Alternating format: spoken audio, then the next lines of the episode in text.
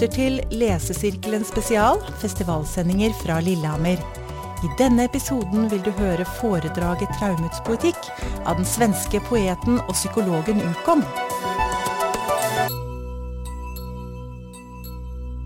God afton! Här kommer en liten föreläsning som jag har kallat för Traumats poetik. Jag vet inte om hon hette Irene eller bara kallas så i litteraturen. I alla händelser föddes hon omkring 1880 och 23 år gammal tog hennes moster med henne till Paris stora mentalsjukhus, La Salpêtrière, eftersom hon led av vanföreställningar och hade lagt sig på ett järnvägsspår. Hon fick där träffa läkaren Pierre Janet och när han kom att utveckla sin traumateori blev som så ofta den kvinnliga patienten föremålet för den manlige läkarens forskning och syften. Irene kom att bli typexemplet för den traumatiserande människan. Pierre Janet är för övrigt idag en relativt bortglömd teoretiker men han var den som myntade begreppet det undermedvetna Idag häpnadsväckande ofta och ytterst olyckligt förväxlat med Sigmund Freuds begrepp det omedvetna, som trots allt är någonting helt annat. Vidare så införde Janet termen fix idé. Så om du, kära åhörare, händelsevis undrar varifrån Asterix och Obelix hund har fått sitt namn så är det tack vare Janets idé fix. Irene kom från en fattig familj och arbetade som piga. Hela hennes lön gick till familjens hushåll och till att underhålla den arbetslöse och allmänt hopplöse faderns alkoholism. Irene hade komplicerade känslomässiga band fyllda av beroende och skuldkänslor till sin mor som var svårt sjuk i tuberkulos och sängliggande sedan flera år tillbaka. Irene slet hårt. Hon skötte allt arbete i hemmet och vakade vid sin mors sida. På 60 nätter hade hon knappt sovit alls och följaktligen så var hon fullkomligt utmattad när hennes mor dog en kväll. Irene kunde omöjligen acceptera att hennes mor var död. Hela natten ansträngde hon sig för att väcka liket till liv. Hon öppnade moderns mun och försökte ge henne mat, vatten och mediciner. Och när den döda modern efter några timmar drog ihop sig i likstelhet, rigor mortis, så försökte hon sträcka ut benen. Men då råkade moderskroppen falla ner på golvet. Hon ropade på sin far som var alldeles för berusad för att hjälpa till. Men till sist så lyckades hon själv lyckas lyfta moderns kropp tillbaka i sängen. Irene vägrade inse att hennes mor var död. Hon skrattade opassande i kyrkan på begravningen och till sist så tog hennes moster med henne till La Salpetrière, Meltarsjukhuset. Irene förklarade saken enligt följande för Pierre Janet. Jag citerar. Jag älskar min mor. Jag avgudar henne. Jag har aldrig lämnat henne ensam. Om hon var död skulle jag förtvivla. Jag skulle känna mig outsägligt sorgsen. Jag skulle känna mig övergiven och ensam. Men jag känner ingenting. Jag känner mig inte ledsen alls. Jag gråter inte. Alltså kan hon inte vara död. Slutcitat. Exakt så lite, kära åhörare, ska man lita på sina känslor. Irene hade dock ett annat symptom. Flera gånger i veckan i sin sovsal på mentalsjukhuset utspelades en rigoröst utförd scen som tog mellan tre och fyra timmar. Det började med att Irene blev helt frånvarande, stirrade tomt framför sig och intog en underlig kroppsställning. Sedan gick hon fram till sin egen tomma säng och utförde en slags sömngångaraktig pantomin. Hon förde ett inbillat glas mot en inbillad person i sängen och sa Öppna din mun nu, drick lite, säg någonting. Sedan klättrade hon upp i sängen, liksom i trans, och ropade.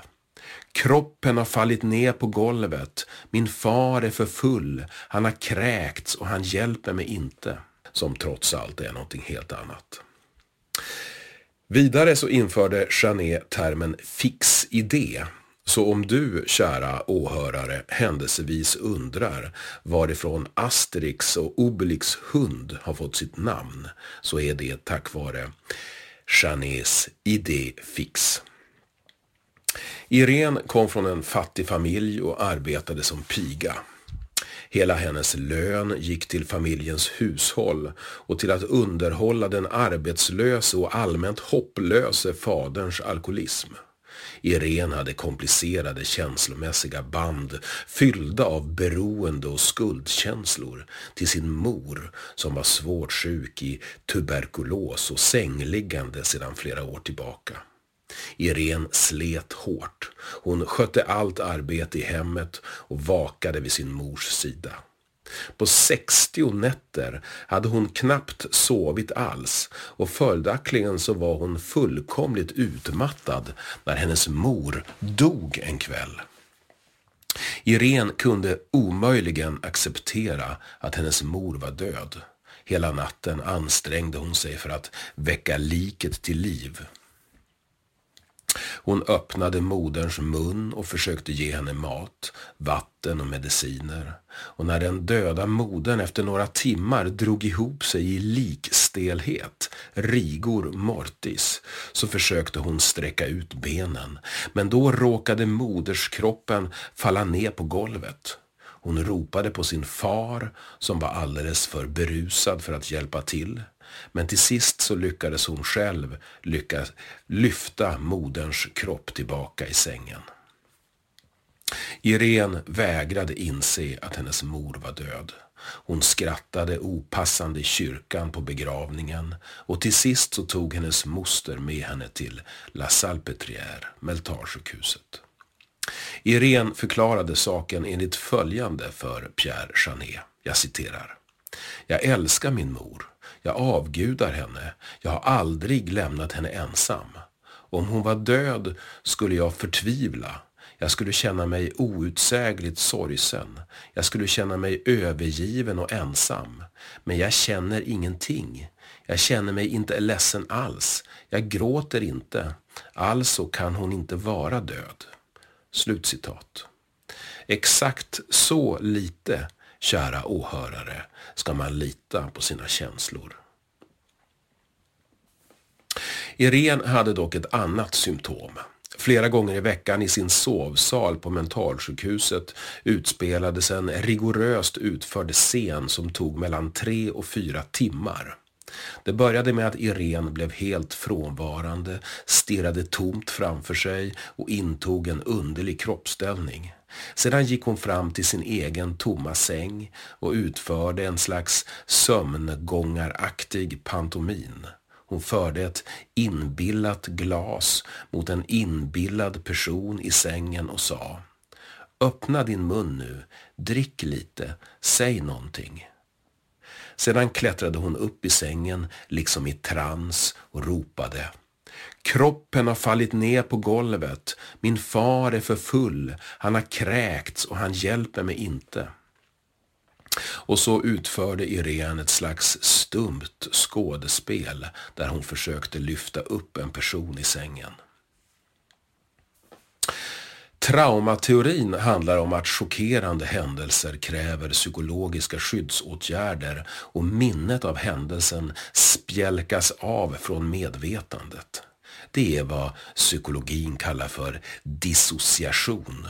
Något som beskrivits redan mycket tidigare, exempelvis av Deleuze och nej, jag talar inte om Gilles Deleuze utan om naturforskaren Joseph Philippe François Deleuze som redan 1813 visade hur dissociation kunde leda till en, att en person klövs i två delar, en vaken och en somnambul där den somnambula var medveten och kunde berätta om den vakna, medan den vakna överhuvudtaget inte kände till den somnambula.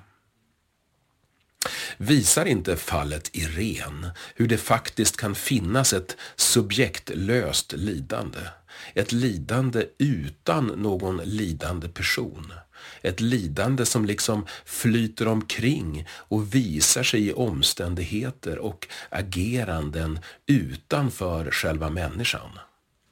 Den medvetna och vakna Irene ansåg själv att hennes mor var i livet eftersom hon inte kände någon sorg, när sanningen i själva verket bestod i att hon inte kände sorg eftersom hon spjälkat av vetskapen om moderns död. Irene visade också att hon på en och samma gång både mindes och inte mindes hur hennes mor hade dött. Hon menade sig inte komma ihåg någonting av dödsfallet samtidigt som hennes somnambula pantomin visade att hon i detalj mindes exakt hur det gått till.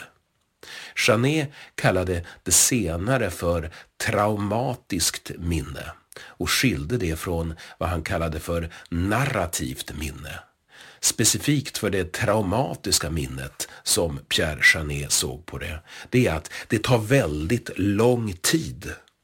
För Irene tog det flera timmar att spela upp sin charad när hon efter sex månaders behandling på mentalsjukhuset, vilket framförallt bestod av hypnosterapi hos Janet, när hon till slut kunde berätta om moderns död, det vill säga ersatt det traumatiska minnet med ett narrativ, narrativt minne, då tog det på sin höjd några minuter att berätta.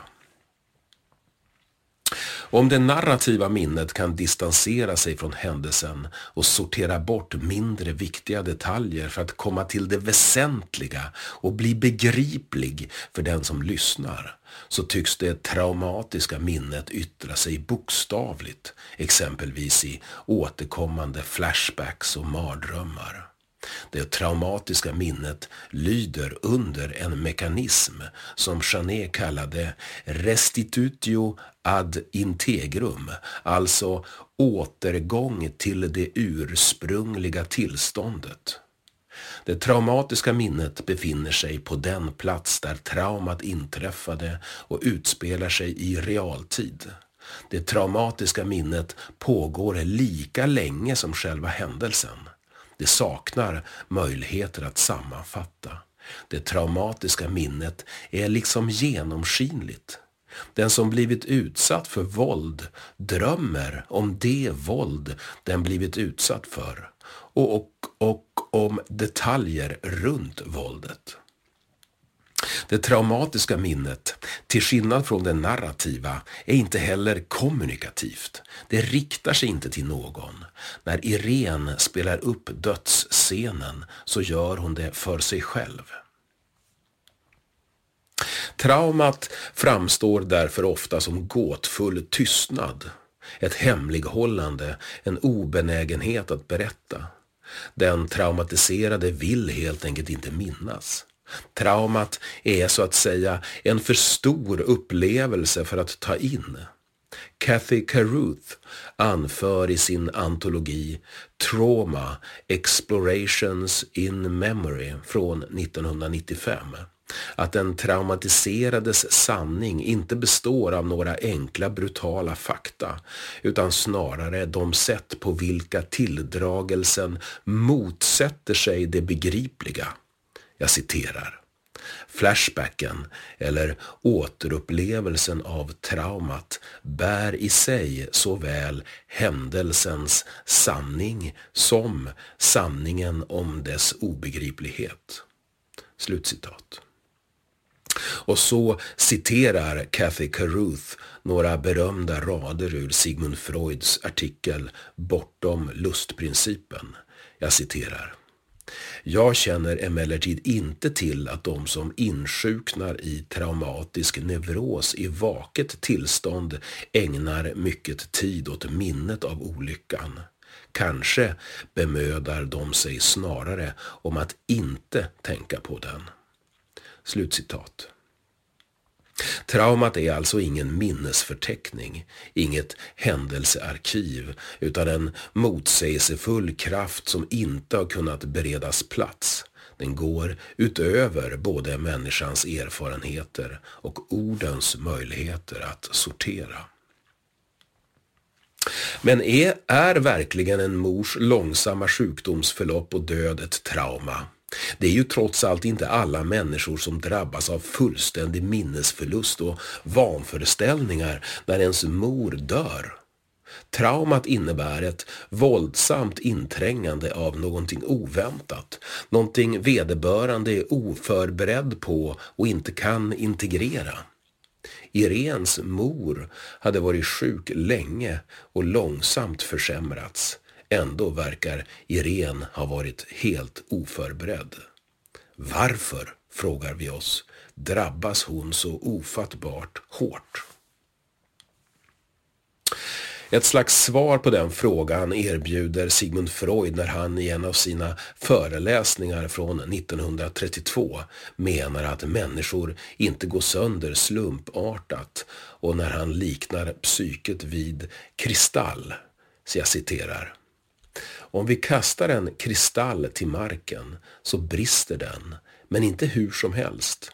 Den faller sönder längs sina klyvningsriktningar i stycken, vilkas avgränsning, fastän osynlig, ändå var på förhand bestämd genom kristallens struktur. De psykiskt sjuka är också sådana sprickförsedda och brustna strukturer. Slutcitat. För Irene gäller, liksom för alla människor, menar Freud således, att traumat får sin form och sitt uttryck genom att inlemmas i en redan existerande inre värld. Tidigare inre konflikter och fantasier utgör de kristallina sprickbildningar som kommer att bestämma den traumatiserades specifika splittring.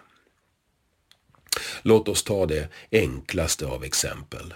En förlust en älskad persons bortgång kommer att få en personlig betydelse för den drabbade, inte enbart utifrån det unika förhållandet till den döda, utan också för att det kopplas till hågkomster av tidigare förluster. Också de mest chockerande våldshandlingar som misshandel, våldtäkt, naturkatastrofer, tortyr hämtar delar av sin traumatiska effekt från såväl tidigare erfarenheter som medvetna och omedvetna fantasier om skuld, underkastelse, avund etc. Freud menar att det yttre våldet, krigshändelsen, naturkatastrofen, våldtäkten, liksom det inre våldet, hjärnskadan, stroken, demensutvecklingen. Att båda, både det inre och det yttre våldet i sig är psykologiskt stumt, men att inget trauma är för stort eller obegripligt för att inte fantisera kring. Ett trauma får sin betydelse i förhållande till tidigare trauman på samma sätt som vilken som helst erfarenhet får sin betydelse av tidigare erfarenheter. Alltså, anledningen till att moderns död så fullständigt lamslår Irene har med hennes specifika historia och hennes förhållande till modern att göra. Men kanske räcker inte kristallmetaforen för att förklara Irens reaktion på moderns död. Den psykoanalytiskt och neurologiskt influerade filosofen Catherine Malabou som jag har kommit att intressera mig för och också intervjuade på Bokmässan 2019. Malabou gör i sin bok Les Nouveaux Blessés de Freud à la Neurologie, Penser les traumatismes contemporains vilket betyder de nya skadade från Freud till neurologin, att tänka kring samtida trauman. Hon gör i den boken en kritisk omläsning av den psykoanalytiska synen på traumat. Malabou argumenterar för att psykoanalysen överskattar den personliga historiens betydelse för traumats inverkan och hon skriver, jag citerar, är det verkligen så säkert att det psykiska, psykiska livet kan motstå förstörelsen? Är det så säkert att barndomen består? Slutcitat. Malabou menar att den traumatiserade under vissa omständigheter helt enkelt blir en annan. En ibland fullständigt annan person som varken kommer ihåg eller rent av tycks bry sig om sin egen historia, sina närmaste, utan helt och hållet, oåterkalleligt skapat sig en ny värld. Malabou argumenterar alltså för att Freud underskattar våldets omedelbara destruktiva verkan. Hon menar att våldet inte kan integreras i individen samt att det under vissa omständigheter vore rent obscent att tolka ett traumas exempelvis en våldtäkts psykologiska följder som uttryck för tidigare trauman, skuldkänslor eller masochism. I mötet med de nya skadade har, menar Malabou, psykoanalytiska grundbegrepp som libido och regression ingen relevans. Efter traumat, skriver hon, citat, är all hermeneutik omöjlig, slutcitat. Symptomen går inte att tolka. Jag uppfattar att Malabous grundläggande frågeställning är om och i så fall hur ett traumas inbrytande i ett människoliv kan förvandla oss till en ny livsform. Inte genom införlivande eller bearbetning utan genom ren förstörelse Går det att få en ny identitet genom att helt enkelt förlora sin gamla? Eller sker det endast genom en förvandling av den? Enligt mitt förmenande är den stora fördelen med Malabous teoretiska bidrag själva beskrivningen av det faktiskt apatiska förkroppsligandet av dödsdriften, tomheten, den fundamentala meningslösheten i vissa händelser och tillstånd. Men det finns också flera punkter där jag inte kan följa henne. Dels att hon likställer det hon kallar för yttre trauman, till exempel en krigserfarenhet, med ett inre trauma, en stroke.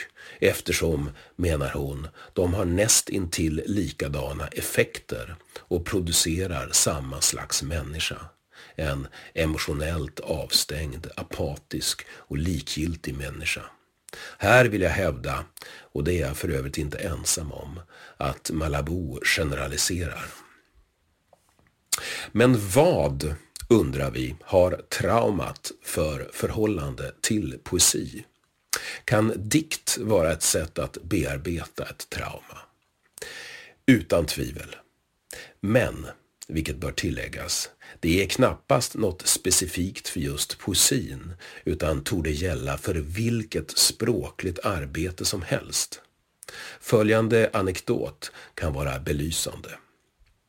Ernst Jünger berättar i sina krigsmemoarer Kopse 125 från 1925 om hur han i första världskrigets skyttegravar läste Lawrence Sterns komiska 1700-talsroman Tristam Shandy.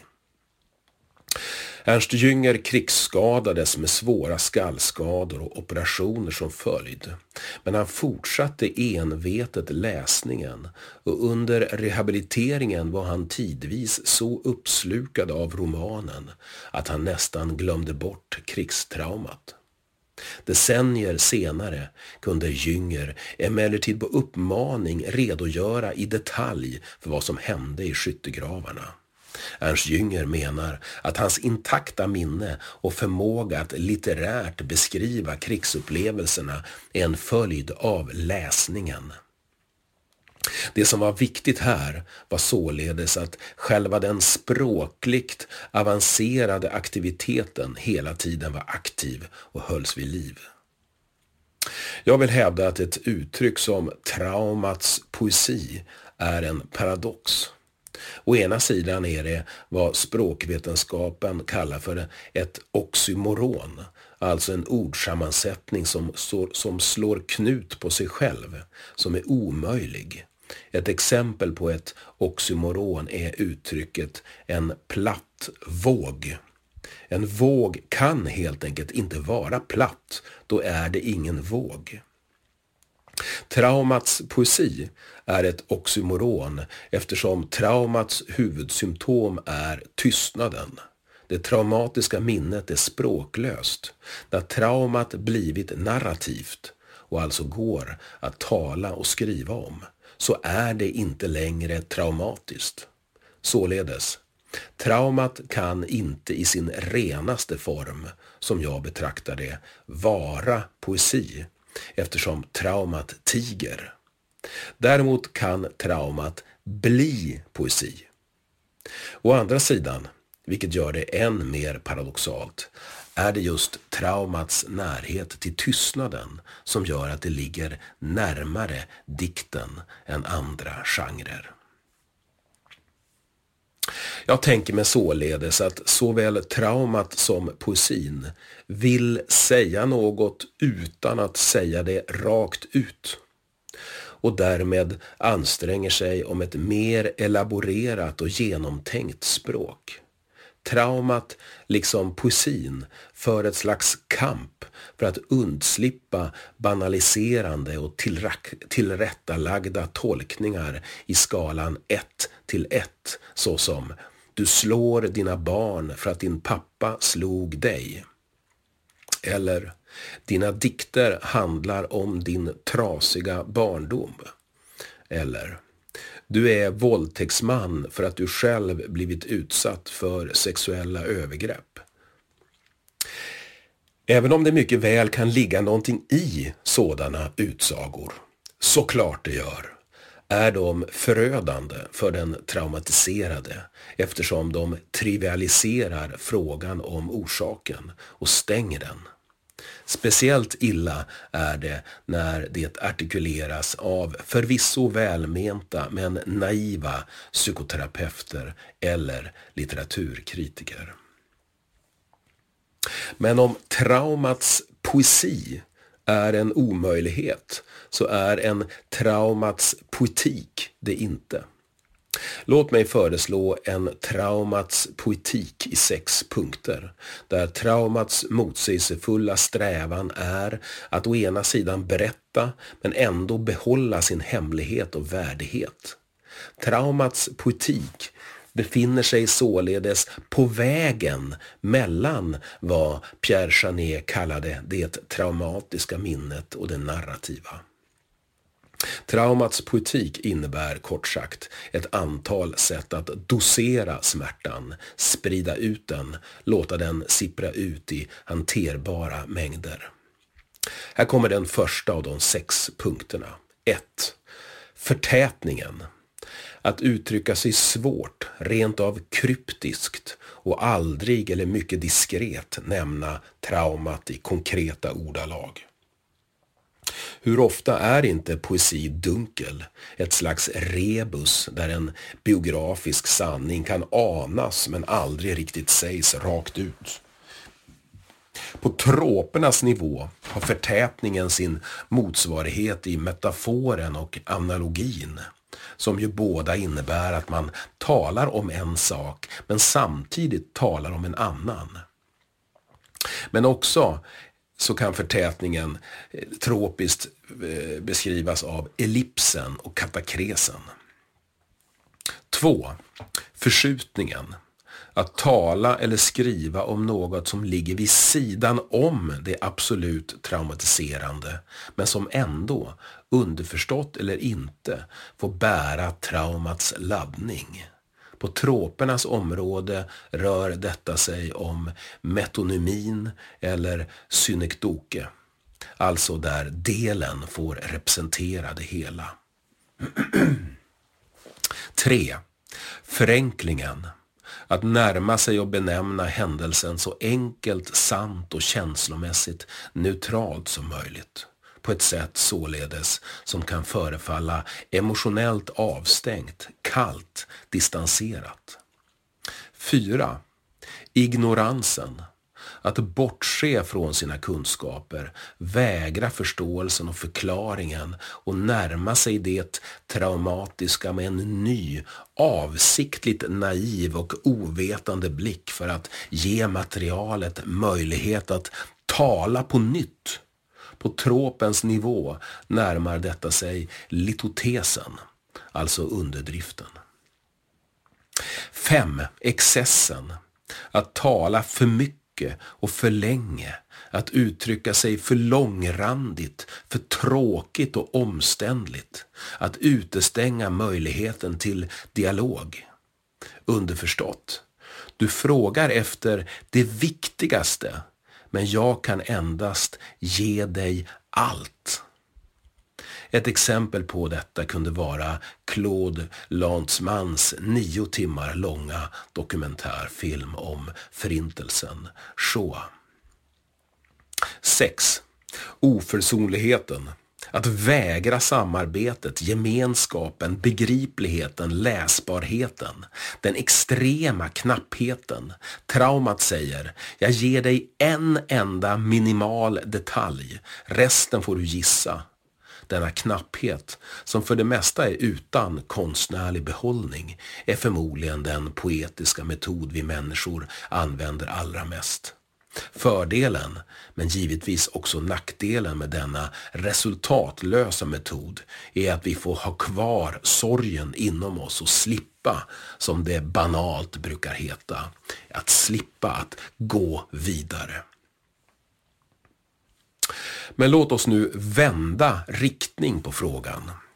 Om traumats tystnad genom ett språkligt arbete kan bli poesi så måste vi också tillägga att det finns traumatiserande poesi. Dikt som vill orsaka trauman, som vill skada läsaren eller de dikten handlar om. Ett sätt att göra litterär skada sysselsatte filosofen och situationisten Guy Debord, vars originalomslag på Memoir från 1958 var av ett slags sandpapper. Guy Debord ville att hans bok skulle skrapa, skada, repa upp de andra böckerna som stod bredvid i bokhyllan. Hur skulle kan vi fråga oss en riktigt aggressiv poesi se ut. En dikt som orsakar sår. Eller ännu mer radikalt, en rakt igenom ond och hänsynslös poesi som exploaterar andra och endast tänker på sig själv. Å andra sidan, vill inte vilken allvarligt syftande poet som helst i någon mening alltid skada sina läsare. åtminstone i bemärkelsen att sätta sitt märke på dem, som cerebrala R. Som när Sarah Kane säger att hon önskar att hennes texter ska göra ont, jag citerar, det ska kännas som att falla nedför en trappa. Slutcitat. Till sist, här kommer en analogi. I persiske poeten och filmaren Furug Farrokhzads kortfilm Huset är svart från 1963 som är filmad i spetälskekolonin Tabriz i nordvästra Iran. Där ställer en lärare frågan rakt ut i klassrummet. Varför ska vi tacka Tacka Gud för att vi har fått en far och en mor? Läraren tittar sig omkring bland de leprosaiska tolvåriga pojkarna och pekar på en elev. Svara du. Och pojken säger Jag vet inte, för jag har inte någon mamma eller pappa. Gossen ser sorgsen ut och läraren pekar på en annan elev. Du där, nämn några vackra saker. Pojken tvekar lite men säger månen, solen, blomman. Läraren pekar på ytterligare en elev och frågar Och du, nämn några fula saker. Pojken svarar. Handen, foten, huvudet.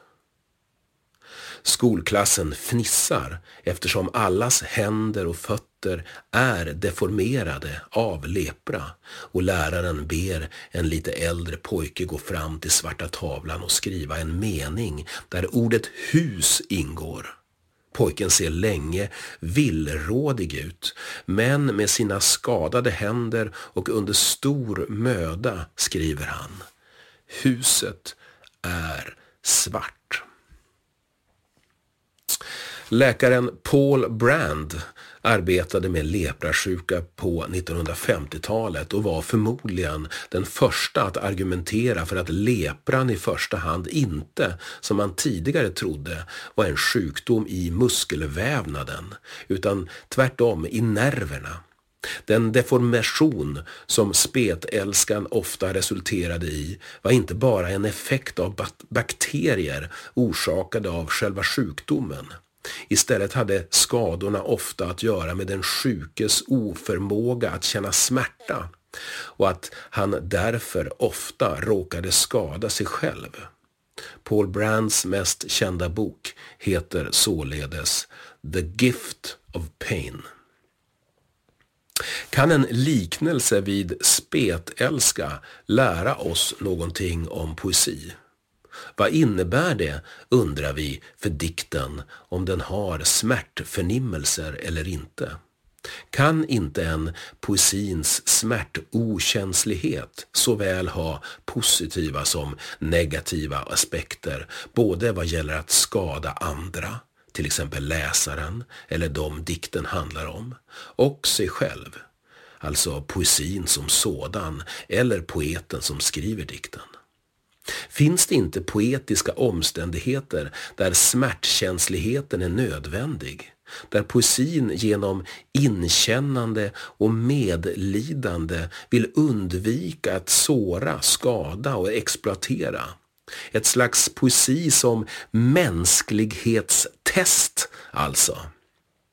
Ungefär som när man under häxprocesserna på 1500-talet stack in nålar under huden för att undersöka om kvinnan var människa eller häxa.